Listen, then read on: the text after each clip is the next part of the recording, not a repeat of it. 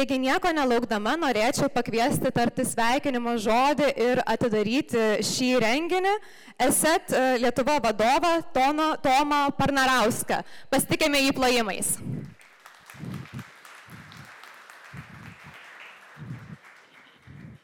Labas rytas, labas rytas, labas rytas.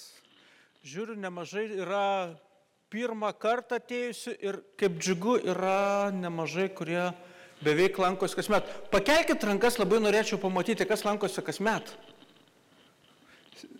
Sveiki sugrįžę, o kas lankos pirmą kartą? Vau, tai Kolegos, kas lankotės pirmą kartą, matėt, kas jau lankosi kasmet, yra žmonės patyrę, žino, kaip kas čia veikia, pagrindinis dalykas yra atsipalaiduoti, e, nesinervuoti, nes vėlgi, jaučiamės saugiai, konferencija vienaip kitaip e, praeis, tikiuosi pasimsit ne vieną naudingą dalyką, kuris jum praktiškai priveiks. Stengiamės kuo mažiau teorijos, daugiau praktikos, galbūt kartais tai skamba koncepcijų, ideologijų lygyje, bet juos galima su pranešėjais ir mūsų svečiais, e, konsultantais pasikonsultuoti ir praktiškai. O mano darbas yra nu, pristatyti, ko tikėtis šiais metais, ko kitais metais, pabūti šio kitokio orakulo ir atspėti, bet tam, kad atspėti, kas e, bus ateityje, visada verta vieną koją žengti atgal ir pažiūrėti, o tai kas buvo. Ne? Tai grįžtame į 20-uosius, e, pandemija, karantinas, visi apie tai jau kalba ir net nebeįdomu. Bet kas yra įdomu, pagnagrinėkim vieną atvejį, tai yra Vokietija, ligoninė, e, rūpinasi, gelbėja žmonės ir turi incidentą užpuolė kriptovirusas. Kaip turbūt nutiko ir ne vienai kitai organizacijai, bet kas šiuo atveju yra svarbu, kad į ligoninę važiuoja žmogus, kurio gyvybė pavojus jau taip sakant, kvepuoja į nugarą, bet ligoninė negali teikti paslaugų. Greitoji pagalba turi būti apgriežta ir važiuoti sekančią ligoninę, kur bus suteikta pirmoji pagalba. Kaip žinom, tokiais atvejais kiekviena sekundė yra kritiškai svarbi. Tai ko gero yra pirmas oficialus atvejas, kada kibernetinė ataka yra susijusi su žmogaus likimu. Ir tai jau darosi šiek tiek taip neramu. Nežinau kaip jums. bet man tai jau šiek tiek primena tokį atsargumo dalyką. Ir tai nutinka ne tik tais apie vieną ligonį, kuris yra e, Vokietijoje, tai yra visame pasaulyje, kiekvienoje organizacijoje ir su tuo susidūrė turbūt ir jūs. Nesvarbu, kokiam sektoriu bedirbtumėt, gyvenimo ir darbo ritmą pakeitė kardinaliai. Nuolatinis darbas, nuotolinis darbas, darbas iš namų, darbas iš ofiso iš vis retenybė, net ir šiais laikais, kada jau truputėlį aprimstam. Tai kai tiek daug žmonių vienu metu bando jungtis per nuotolį, reikia prisijungti prie IT struktūrų, infrastruktūrų, programų, kurios niekada iš principo dėl saugos nebuvo prieinamos viešai iš interneto. Kalbam net apie kritinę infrastruktūrą prieinamą iš interneto, nes reikia čia ir dabar saugumo spragų nuotolinė prieiga pasidarė toks lengvas taikinys, kad praktiškai ne tik kripto virusų kuriejai, bet ir kiti nusikaltėliai tai naudoja kaip pagrindinį prieigos tašką. Nes kada tu skubi, sužiūrėti viską nėra taip lengva. O pastebėti nuotolinę prieigą ir kažkas įvyko, turbūt irgi nėra toks pat lengvas uždavinys. Todėl IT įmonės e, pradėjo teikti paslaugą kibernetinės saugos. Įmonės savo organizacijose pradėjo suprasti, kiek kritinė yra infrastruktūra, kiek kritinės verslo procesam IT sistemos, kur galbūt vadovai neskyrė biudžetą. Tikiuosi, kad po šios e, konferencijos jūs dar daugiau turėsit argumentų, kalbėdami su savo vadovais, apie tai, kiek reikia ir kam skirti produktų Ir pastebėtas dar viena yra tokia tendencija, kai mes kalbam apie kibernetinę saugą, kad incidentų kiekis įvairių vektorių atakų skaičius ant tiek didėja, kad praktiškai sužiūrėti žmogui vienam pačiam darosi neįmanoma. Būkim atviri. Eseto, ta prasme, telemetriniai duomenys, vien apie nuotolinio prieigos, kalbant apie RDP protokolo prisijungimus, kas pranešė nuo tų metų, kad 56 milijardai bandymų atspėti prisijungimus ir taip toliau. Tai šitoje vietoje skaičiai yra įspūdingi. Kaip tai kyla? Tai kyla įspūdingai skaičiais, daugiau negu 700 procentų nuo 20 metų. Tai yra per metai su viršum tą laikotarpį, kada žiūrėjom duomenis, pakilo bandymų skaičius. Ir tai čia tik į vieną protokolą. Vartotojų skaičius, unikalių vartotojų per vieną dieną, kiek kreipiasi su incidentais patirtais, tendencijos rodo taip pat 100 procentų pakilimas kasdien. Tai šitoje vietoje įmonių nenustabu, kad ir Lietuvoje, ir pasaulyje yra ne viena, kuri yra nutekėjusi ir nukentėjusi ir kitaip patyrus tuos incidentus ir galbūt apie tai mes nežinom. Nes apie tai kalbėti yra nepadaru, apie tai yra nemandagu, galbūt sužinos, kad aš net likau savo darbą. Na, čia aš kalbu apie IT administratorius, ne? Ir pasakyti, kad kolegos, turim bėdų, sprendžiam, tai manau, kad yra, tai yra gera vieta čia susitikti mums visiems, pasidalinti savo rūpeščiais, galbūt su bendraminčiais galima pasakyti, ką daryti. O kodėl tie nusikaltėliai taip klesti, vešių skaičiai tik didėja? Aš jau turbūt būsiu, ko gero, dabar galvoju, septintoji konferencija ir turbūt kiekvienais metais sakau, kad priežastis yra ta pati. Tai yra pinigai. Ir tai nėra pinigai, tai yra velniškai daug pinigų. Kas yra daug? Kiekvienas, aišku, sakysim, tūkstantis eurų yra kažkam daug, kažkam nedaug pinigų. Bet FBI duomenimis Amerikos žvalgyba sako, kad viena iš organizacijų per šešis metus uždirbo 140 milijonų eidžiu, bent jau savo, nežinau kaip jum, 140 milijonų man yra daug, per šešis metus, laiko tarpas, taip sakant, nemažas, bet skaičius irgi yra vertas dėmesio. Ne? Jeigu pasiklausyt, ką žmonės patys kalba, nes, nu, kai tu darai gerus darbus ir uždirbi didelius pinigus, norisi apie tai pasigirti, tai viena organizacija, tai yra tik tinklas ir viena iš organizacijų viešai savo drąsiai sako, mes uždirbom per 20 100 milijonų. Tai nu, skaičiai yra įspūdingi, kurie pasako, kodėl geriausi programuotojai, technologai ir visa kita pas juos eina dirbti ir pilnų darbo. Ne?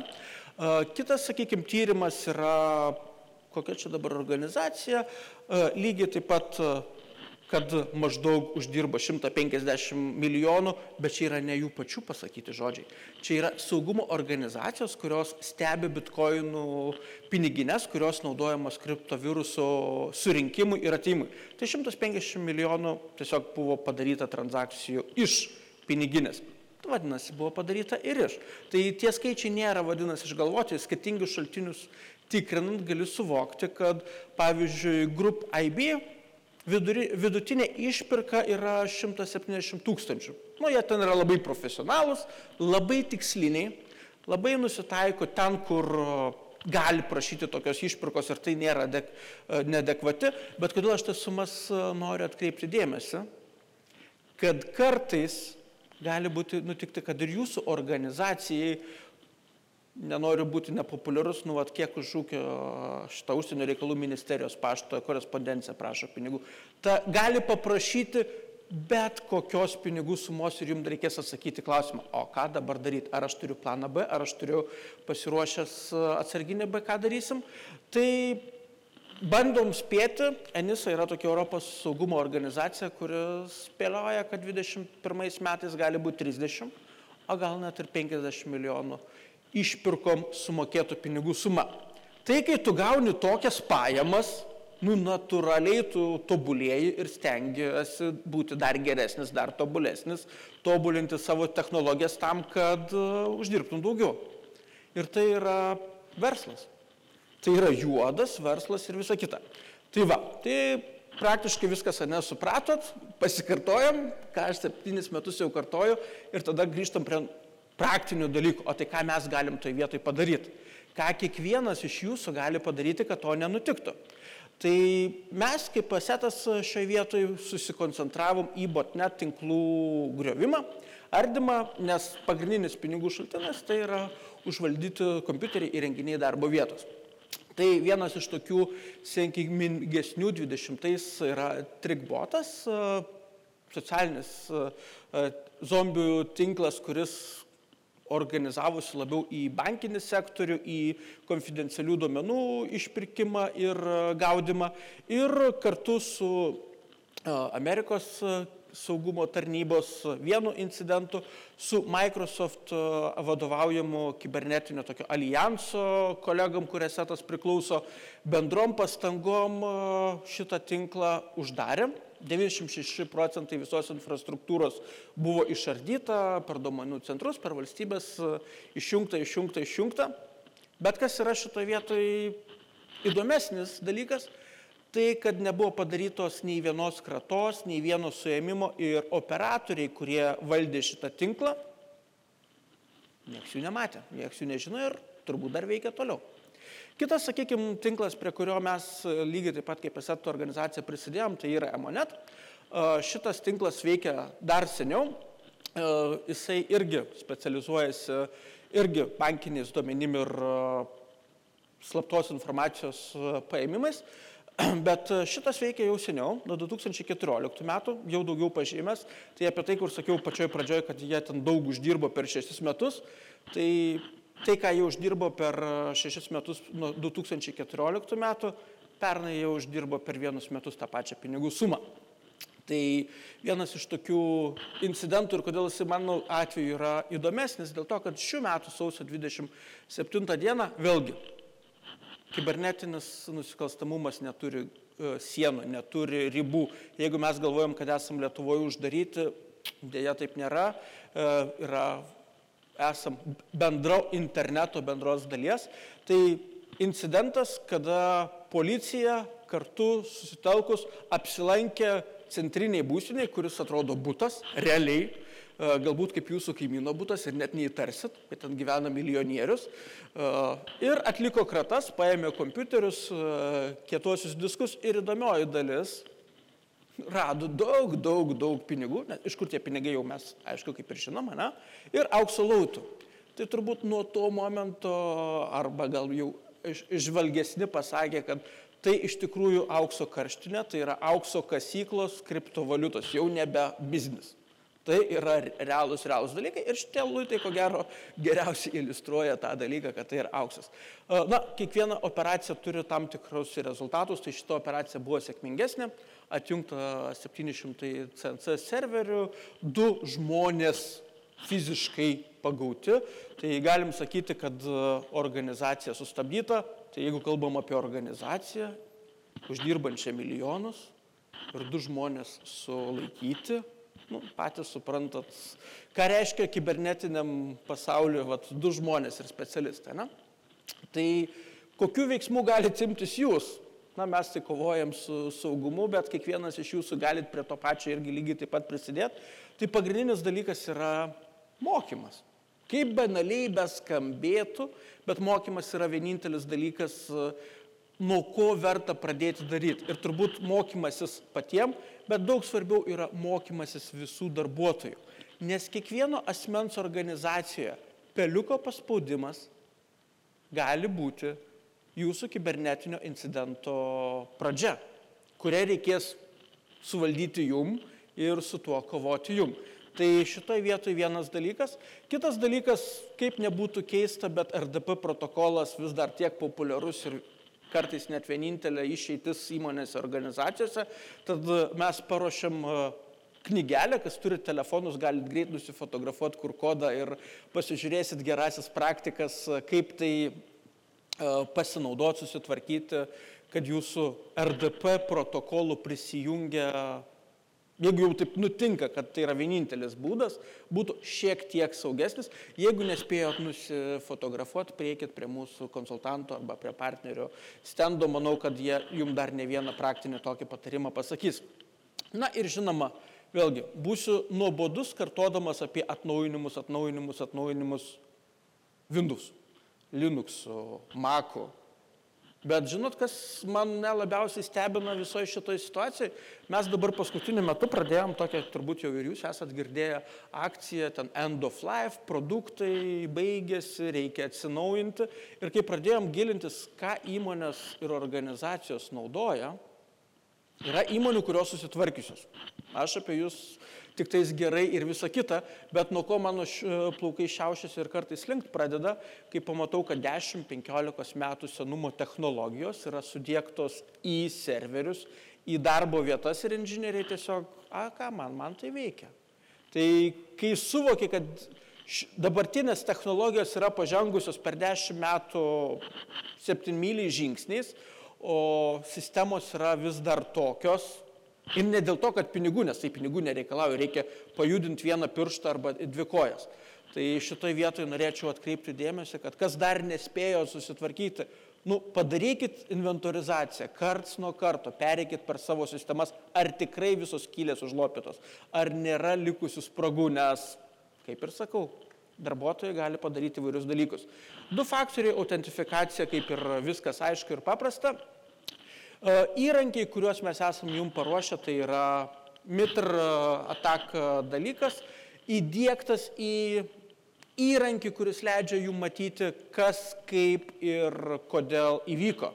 Kodėl paminėjau šitą duomenų bazę? Jis yra, sakykime, toks klasifikatorius, katalogas labai paprastas, bet joje rasite ne tik informacijos, koks vektorius, kaip tai įvyko, bet jūs rasite ir informaciją, kaip nuo to apsisaugoti, ką to padaryti. Tai jeigu jūs matote incidentas, marytės kompiuterį pagal tokį tokį vektorių, galima labai nesunkiai pasižinoti ir tokiu būdu užkirsti kelią.